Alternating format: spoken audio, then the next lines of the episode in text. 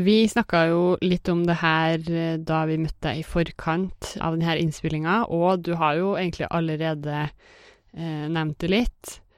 Eh, men da tenker jeg på viktigheten av å skille mellom symptomatisk behandling og forebyggende behandling. Kan du fortelle litt mer om det? For meg er det blitt en veldig sånn nyttig rammeverk å tenke innenfor når jeg står overfor en, en lang medisinliste. Mm. Uh, første punkt er jo at jeg må jo forsøke for hver medisin som pasienten har, så må jeg forsøke å forstå eller finne ut hvorfor pasienten får det. Altså hva er indikasjonen, eller hva var indikasjonen. ikke sant? Og det er jo av og til detektivarbeid, det å bare prøve å finne ut når, når ble det satt i gang, hvem satte det i gang, hvilke overveielser ble gjort da, og har noen vurdert effekten av det.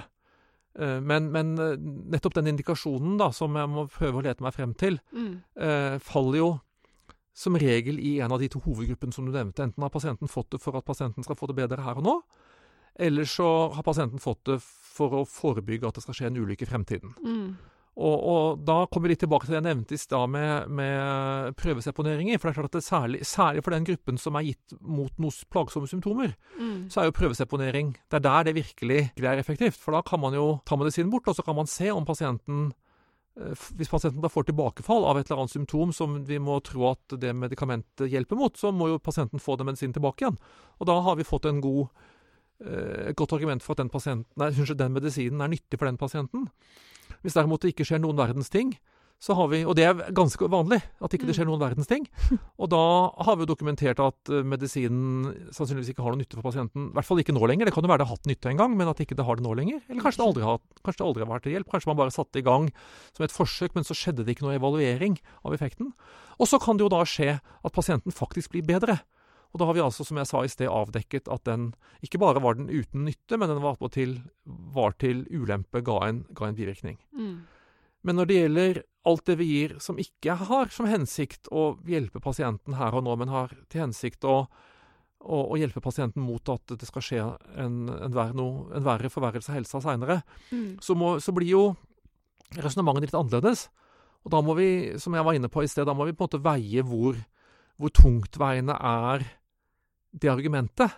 Og som jeg sa i sted, noe av det mest tungtveiende jeg vet, er hvis pasienten har atrieflimmer, og, og argumentet for at det da skal være antikoagulert. For da, er, da vet vi at risikoreduksjonen knyttet til hjerneslag av å bruke antikoagulasjon er så veldig, veldig god. Mm. Uh, pluss at hjerneslag er jo så veldig eh, de, Det snakker også ofte om store hjerneslag, sånn at, eh, så, så, så det er så veldig bra hvis man kan unngå det. Mm. Mens i andre tilfeller så kan betydningen av dette tiltaket være mye, mye mer usikker. Og, og et eksempel på det, på det er jo f.eks.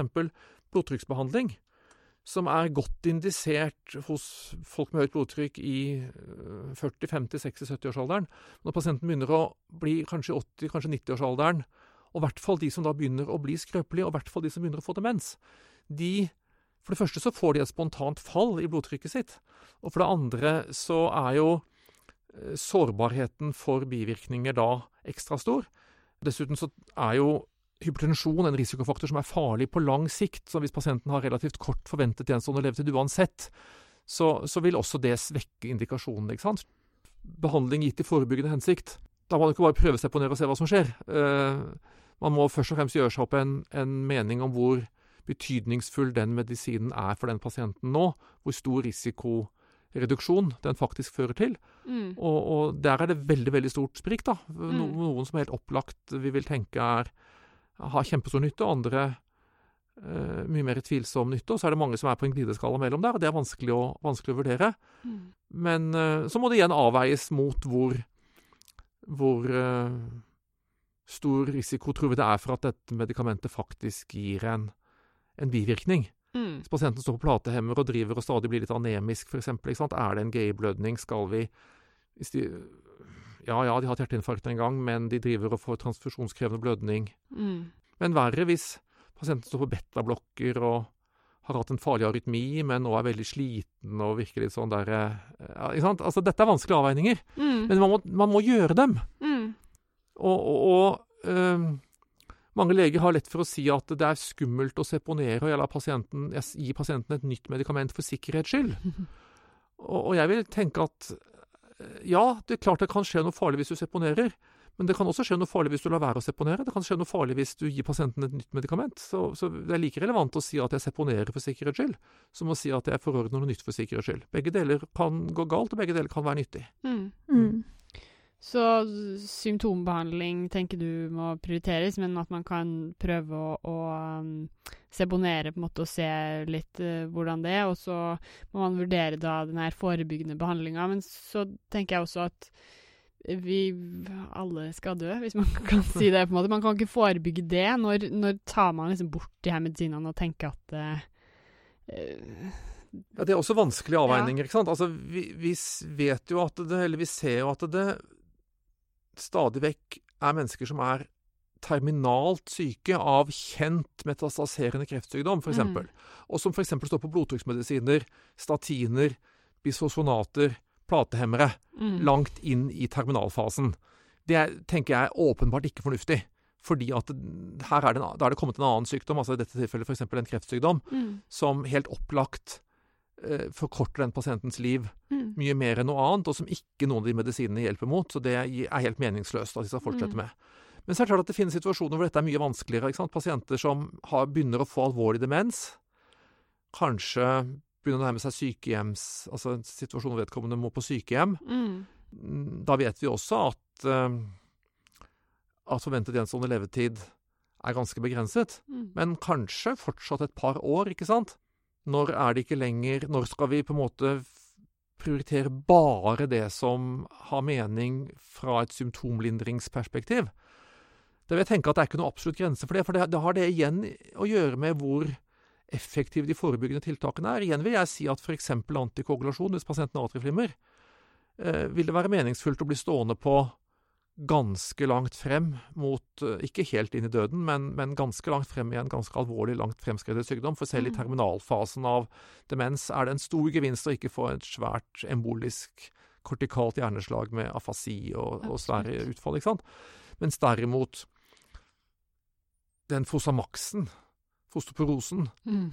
den kan vi jo Det er ikke det at ikke det er en bra medisin, det er en veldig bra medisin. Mm. Men, men eh, den må du bruke noen år for at den skal ha effekt, ikke sant? Og, og den kan vi seponere lenge før vi tar vekk eh, doaken. Og så Mm. har vi og, og det samme gjelder blodtrykksmedisiner. Men så har du andre ting. Og, og hvis pasienten står på statin, så kommer det veldig an på er det primærprofylakse. Så kan vi ta det vekk ganske tidlig. Mm. Hvis derimot pasienten har f.eks. kjent koronarsykdom, og vi vet at pasienten har en stenose på det, så vil vi tenke at det statinet kanskje skal stå en god del lenger, ikke sant? Så, så eh, her må vi veie styrken på indikasjonen mot forventet gjenstående levetid, og hvilken mistanke vi eventuelt har eh, om at dette legemiddelet kanskje gir en bivirkning eller en plage. Mm. Mm.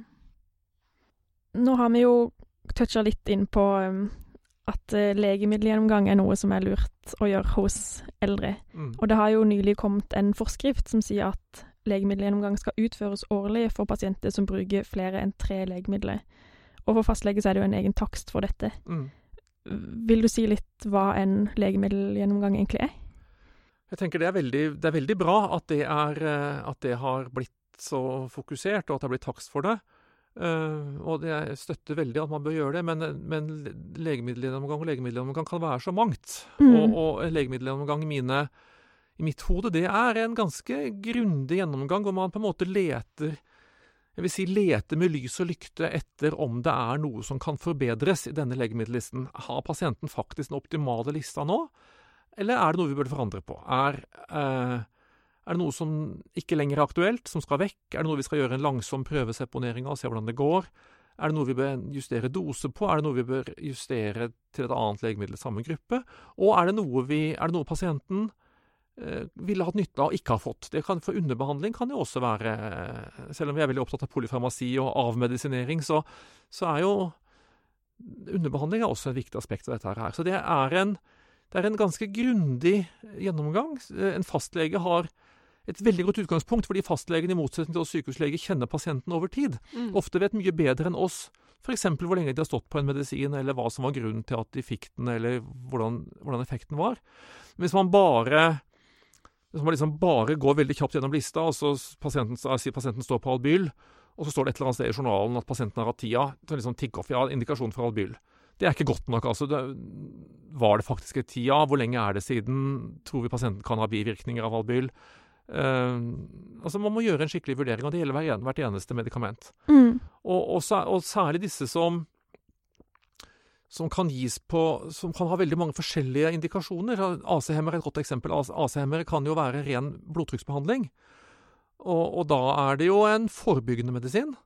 Men så kan det være at pasienten får AC-hemmer fordi det er hjertesvikt. I så fall så er det jo en symptombehandling. Mm. Mm. Og, og, da blir styrken på indikasjonen veldig veldig ulik, ikke sant? Mm. Så, så, man må jo sette seg ordentlig inn i dette her, og, og vite hvorfor pasienten bruker det. Kjenne pasientens sykehistorie godt, kjenne farmakologien godt, og bruke legemiddelgjennomgangen som sagt som en anledning til å, til å se er det noe vi kan gjøre medikamentelt.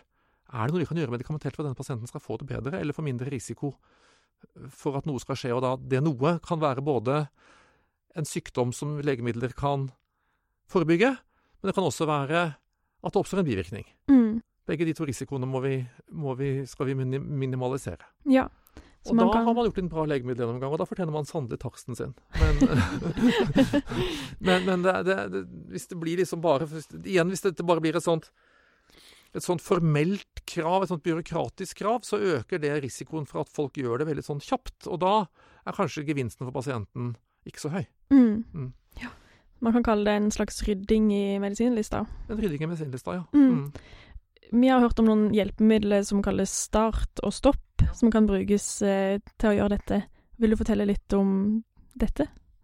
Start og stopp er jo Altså, start er jo en screening for å tenke gjennom om det er noe pasienten eh, burde hatt og ikke har fått. Mm. Og stopp er en tilsvarende for å tenke gjennom om det er noe pasienten står på som ikke de burde ha lenger. Mm. Og jeg vil ikke si at ikke det er nyttige, eh, men man må være de, de, er på en måte langt fra fulldekkende.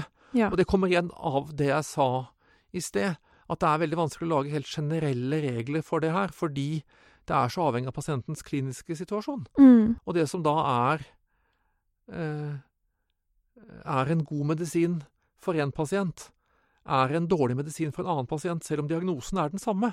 Fordi de er forskjellige på alle mulige andre, andre måter, forskjellige hvilke andre medikamenter de bruker, hvilke andre sykdommer de har, hvor skrøpelige de er, og dermed hvor utsatt de er for bivirkninger. Derfor så, så blir disse start og stopp og lignende sånne, sånne kriterier, de, de, hjelper å spare et, et, stykke på vei, altså. Og det, vi, det syns vi også ofte ser, er at det er nettopp medikamenter som er Altså AC-hemmere, atoblokkere, syns jeg er et veldig godt eksempel. For det er jo Hvis pasienten har hjertesvikt, i hvert fall hvis de har venstre ventrikkelsvikt med redusert EF, altså hjertesvikt med HF med reduced EF, så gir jo AC-hemmere en kjempegod symptomkontroll i tillegg til en prognosegevinst. ikke sant? Slik at hvis pasienten, Da kan du si at hvis pasienten står på bare diuretika, og i og for seg har nyrer gode nok til at de kunne tålt en AC-hemmer, så er de kanskje underbehandlet. De kunne, fått et, de kunne fått et medikament som hadde gitt en bedre symptomkontroll. Men hvis derimot pasienten står på, uh, på AC-hemmere bare for, um, bare for hypertensjon, og kanskje har noen bivirkninger av det, så, så, er det helt motsatt. ikke sant? Da er det kanskje overbehandling at de, at de bruker det. Mm. Uh, og, og, det er jo eksempel på veldig på ja, relativt, Det er jo ikke ACM-er så veldig nye lenger, men det er likevel relativt moderne og relativt potente, effektive legemidler som er veldig gode til sitt bruk. Og veldig nyttig for de pasientene som har nytte av det. Men som er også faktisk veldig farlige i noen situasjoner. F.eks. pasienten som dekompenserer renalt og, og, og, går i en akutt nyresvikt. Blir jo akutt mye verre hvis de står på en AC-hemmer i tillegg og får mye mer uttalt hyperkalemi, og det blir en mye farligere situasjon. Mm. Slik at, fordi de er så virksomme så er de også Du får liksom ikke veldig potente legemidler som ikke i bagasjen har med at de også er potente til å gi Til å kunne gi bivirkninger i en uheldig situasjon. Mm. Mm. Med, et medikament som har virkning, har jo òg bivirkning. På en måte. Det ja, omvendt. Med legemiddel som overhodet ikke har bivirkninger, det har sannsynligvis Det virker ikke. Nei, ikke sant. Men eh, er det noen medisiner man alltid kan ta bort? altså, det er noen sånne Altså, det er noen som rei, er liksom står sånn Det finnes sånne lister over medikamenter som er uegnet til gamle. Mm. Og det er blant annet de med veldig sterk antikolinær effekt. Men de bruker vi uansett ikke så mye. Altså, det er de gamle eh, de, noen av de gamle trisykliske antidepressivene, sånn som Sarotex, eh, og noen av de gamle høydose antipsykotiske midlene, sånn som Nosinan, Mm. de vil jeg jo si kanskje nesten alltid er uegnet hos gamle. Men gå ut og lete etter gamle som er utsatt for det. Da må du lete lenge før du finner noen, for det er, heldigvis så er disse mindre i bruk enn før. Mm. Så, så de sånn De klart uegnede, ja, de bør vekk. Men det er ikke så mange pasienter som har dem allikevel. Så, så de medisinene vi nå har nytte av å ta vekk hos noen pasienter, det er medisiner som slett ikke er generelt uegnet, men som tvert imot er veldig godt egnet hvis de brukes på riktig indikasjon. Men som Mhm. allikevel er uegnet hos noen fordi indikasjonen ikke er god nok, eller avveiningen mellom indikasjon og kontraindikasjon, avveiningen mellom nytte og ulempe, ikke er gjort grundig nok. Og, og hvis man gjør den grundig nok, så ser man at nå vipper det i eh, ugunstig retning. Mm. Men det er fine, moderne medikamenter som er ekstremt nyttige Mm. i, si- til sitt bruk, ja. Mm. Nitropreparater, er det noe man alltid kan ta bort? Nitropreparater har jo, så vidt jeg vet, ikke noen eh, forebyggende Eller det, det påvirker ikke, prognosen, men det kan hjelpe mot brystsmerter. Hvis pasienten har koronarsyk, så kan det hjelpe mot Mm. brystsmertene. Så det kommer i klasse med andre, andre symptomrettede medisiner, som det er vel verdt å, å prøve å trappe ned. Og se hvis det går fint, så går det fint. Da er det ikke noe å bekymre seg for. Mm. Hvis pasienten da får mye mer lavtersket angina, så må du jo få det tilbake igjen, da. Mm. Det ble nevnt der at fastleger får en egen takst for legemiddelgjennomgang på sine Mm. pasienter. Eh, men er geriaterne eller dere noen gang involvert i det? Ja, det, et, eh, det er jeg glad jeg spurte om. Glad du spurte om. Fordi at eh, vi har hatt et veldig fint prosjekt som vi er veldig stolt av. Hvor geriater og fastlege gjorde legemiddelgjennomgangene sammen. Hvor vi, vi randomiserte pasientene til å få eller ikke få et sånt opplegg, og fant en, eh, en bra effekt av det. Så det forsøker vi nå å innføre som en fast rutine eller et fast tilbud på geriatrisk poliklinikk. Ja. at, pasient, at fastlege kan henvise pasienter med polyfarmasi, hvor fastlegen er eh, usikker på liksom, om dette er det beste for pasienten. Mm. Og så blir pasienten sett av en geriater, og så snakker geriateren og fastlegen sammen i telefonen. ja. Slik at de rett og slett tenker litt høyt sammen. Og, for dette er vanskelig. Mm. Og, men så tror vi at det å kombinere fastlegens eh, kjennskap til pasienten over tid, eh, liksom det kontinuiteten, Mm. som er fastlegens virkelig store styrke, Mm. eh, og kjennskap til pasienten, gr- grundig kjennskap til pasienten, med at geriateren kanskje har mer spisskompetanse i det vi kan kalle for geriatrisk farmakologi, da. Mm. At de til sammen på en måte da finnes frem til den beste, de beste tiltakene. sant. Så det, der har vi på gang nå en sånn oppstart, eh, oppstart av dette her, hvor vi forsøker å, å innføre denne, dette tilbudet Ja. Mm. Så på geriatrisk poliklinikk hos oss på Ullevål. Ja. Ja. Ja, for jeg kan jo se for meg det at Altså, det er ikke noe stygt om verkens eh, altså spesialister på sykehuset eller spesialister på allmennlegekontoret, men jeg kan jo se for meg at hvis en, en, le, en sykehusspesialist setter på en, en eller annen ny medisin, så vil kanskje fastlegen kanskje vegre seg for å på en måte ta og endre ned det, for man tenker jo Mm. at her er det jo gjort en spesialistvurdering, og kanskje motsatt, så, så den, den eh, spesialisten på Skal huske at det er spesialister på allmennlegekontorene også, men, men sykehusspesialisten vil, på, som du sier, da, ikke kjenne denne pasienten så godt. Ikke sant? Eh, Jeg tror det er helt riktig. Jeg tror at uh, sykehusleg, sykehusspesialister, organspesialister, ofte slenger på masse medisiner for sitt organsystem, for å si det sånn.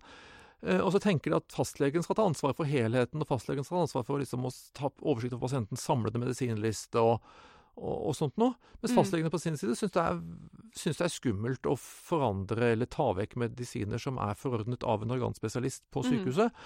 Mm. og så blir det ingen, og dessuten syns fastlegene det er komplisert med så lange medisinlister eh, generelt, og da blir det ingen som tar ansvaret. Ja. Um, og Derfor tror vi at, at geriateren er en viktig plass i dette, men, men kanskje, kanskje aller mest i samspill med fastlegen. altså. Mm. Ikke, ikke, for, ikke at geriateren skal komme alene og liksom ordne opp, men uh, at vi forsøker å samarbeide om det. Mm.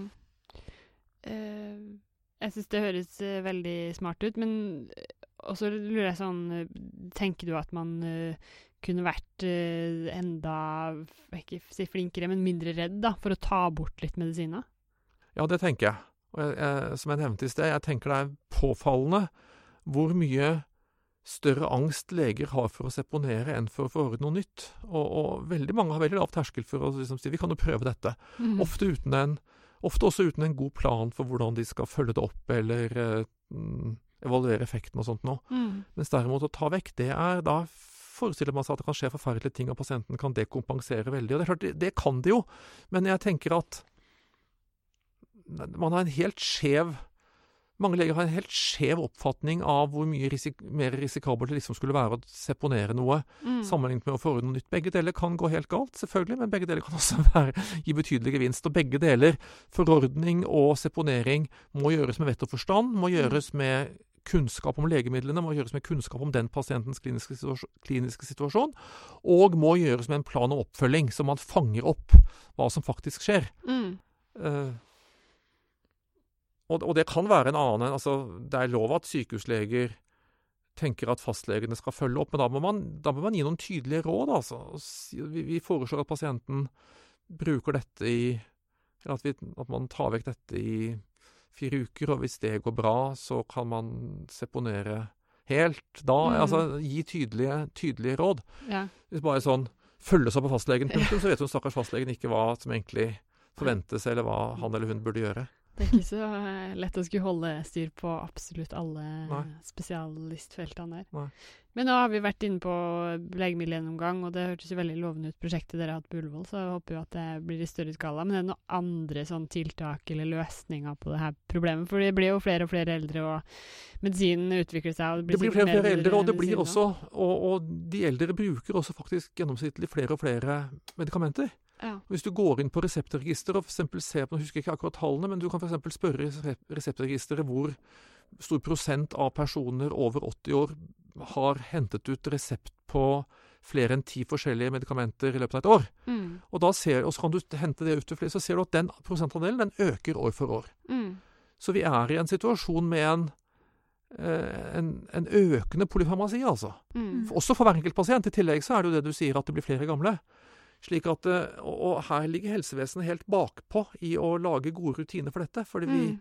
vi har fortsatt rutiner fra den tiden hvor, hvor, hvor det var, typiske var å bruke ett og ett legemiddel om gangen, og kanskje Mm. bare i avgrensede kurer. ikke sant? Så det at det er blitt normalsituasjon, at mange mennesker går og tar fem, seks, sju, åtte, ti medikamenter hver eneste dag, det har vi egentlig ikke laget noe godt system for. For som Nei. sagt, det er akkurat det jeg sa, sykehuslegene forholder seg ikke til helheten. Sykehuslegen forholder seg i høyden bare til den gruppen av medikamenter som gjelder deres organsystem. Mm. Og fastlegene syns dette blir en uoverstigelig utfordring. Pluss at vi har en fastlegekrise som gjør det enda vanskeligere. Ja, og så kommer de til akuttmottaket med liksom ferske sånn LIS-leger og også noen erfarne, da, men det er også mange ferske som kanskje også bare blir litt sånn skremt av, eh, av det hele. Mm.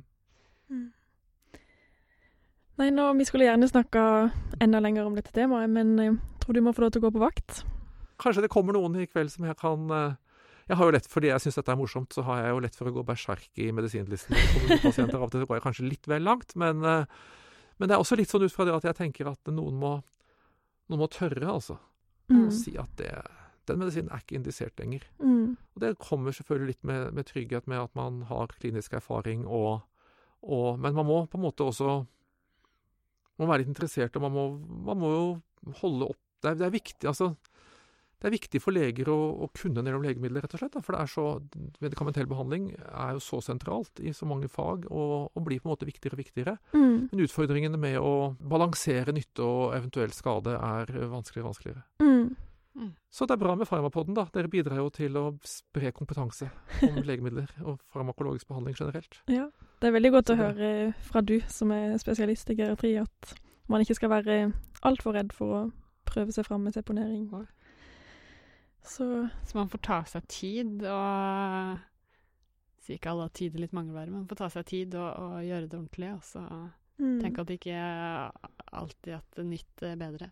Så av og til er det lett, altså, hvis pasienten eh, Men det bare, man må liksom Noen må gjøre det. Mm. Noen kolleger har jo i perioder ment at alle gamle hadde godt av acetylsalicylsyre uansett. Ikke sant? Det er ikke riktig. Det vet jeg er ikke indikasjon for å bruke acetylsalicylsyre hvis ikke man har en eller annen karsykdom. Altså Hvis man har hatt TIA, slag, eh, koronarsykdom, perifer sklerose, så er det indikasjon. Hvis pasienten aldri har hatt noe sånt nå, Mm. og står på Albyl, bare altså, du spør dem, men fastlegen sier at det er bra for meg, da det er fort gjort å finne ut at det skal de ikke bruke. Mm. Hvis pasienten bruker statin som primærprofylakse, og kanskje en gang for ti år siden hadde for høyt serumkolesterol, men nå ikke har For serumkolesterolet går jo ofte ned hos de gamle og skrøpelige fordi de mager av og spiser dårlig og, og sånt nå. Mm. Ja. Og så har de totalkolesterol på 3 og LDL på 1-tallet. Da har de ikke bruk for statin lenger. Nei. Det er, liksom, det er lett, altså. Men det er ingen som, noen må tørre, eller noen må liksom bare gjøre det. Mm. Så er det, kan andre ganger kan det være mye vanskeligere å vite, selvfølgelig. Mm. Mm. Det syns jeg var et godt avsluttende ord. Så Mm. tusen, tusen takk for at du ville komme og fortelle om dette temaet, Torgeir. Tusen takk for at dere ville høre på.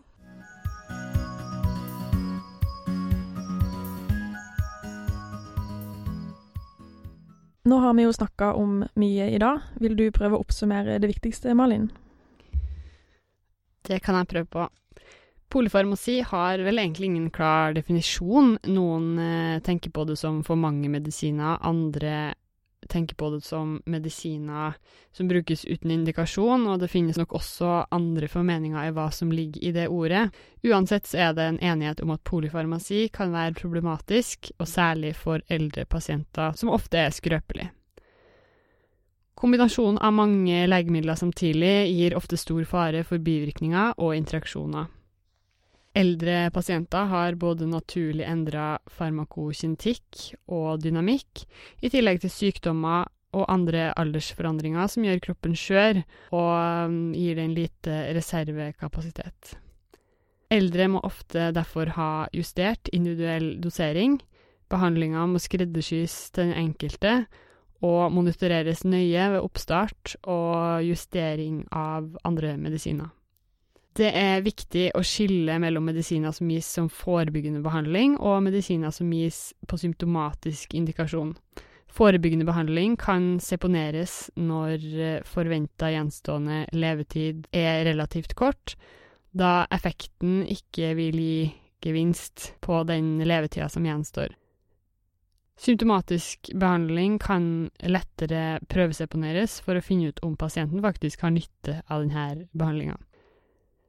Hjelpemidler for å bedre problemene ved polifarmasi er blant annet legemiddelgjennomgang. Det er lovpålagt at det skal gjøres én gang i året for pasienter som bruker mer enn tre legemidler. Det er da viktig å vurdere hvert enkelt medikament eh, for indikasjon, dosering, interaksjoner og eventuelt dobbeltforskrivning. Det kan gjøres seponeringsforsøk for å se på effekten av legemiddelet. Fastlegen kan henvise til farmasipoliklinikk ved behov for hjelp. Man kan eventuelt også prøve ut hjelpemidlene Start og Stopp, som finnes på hjemmesida til Norsk geriatrisk forening. Det var det for denne gang, og tusen takk til alle dere som lytter på oss. Hvis du har noen spørsmål, send gjerne en mail eller en melding på Facebook eller på Instagram. Vi høres igjen. Ha det bra! Ha det!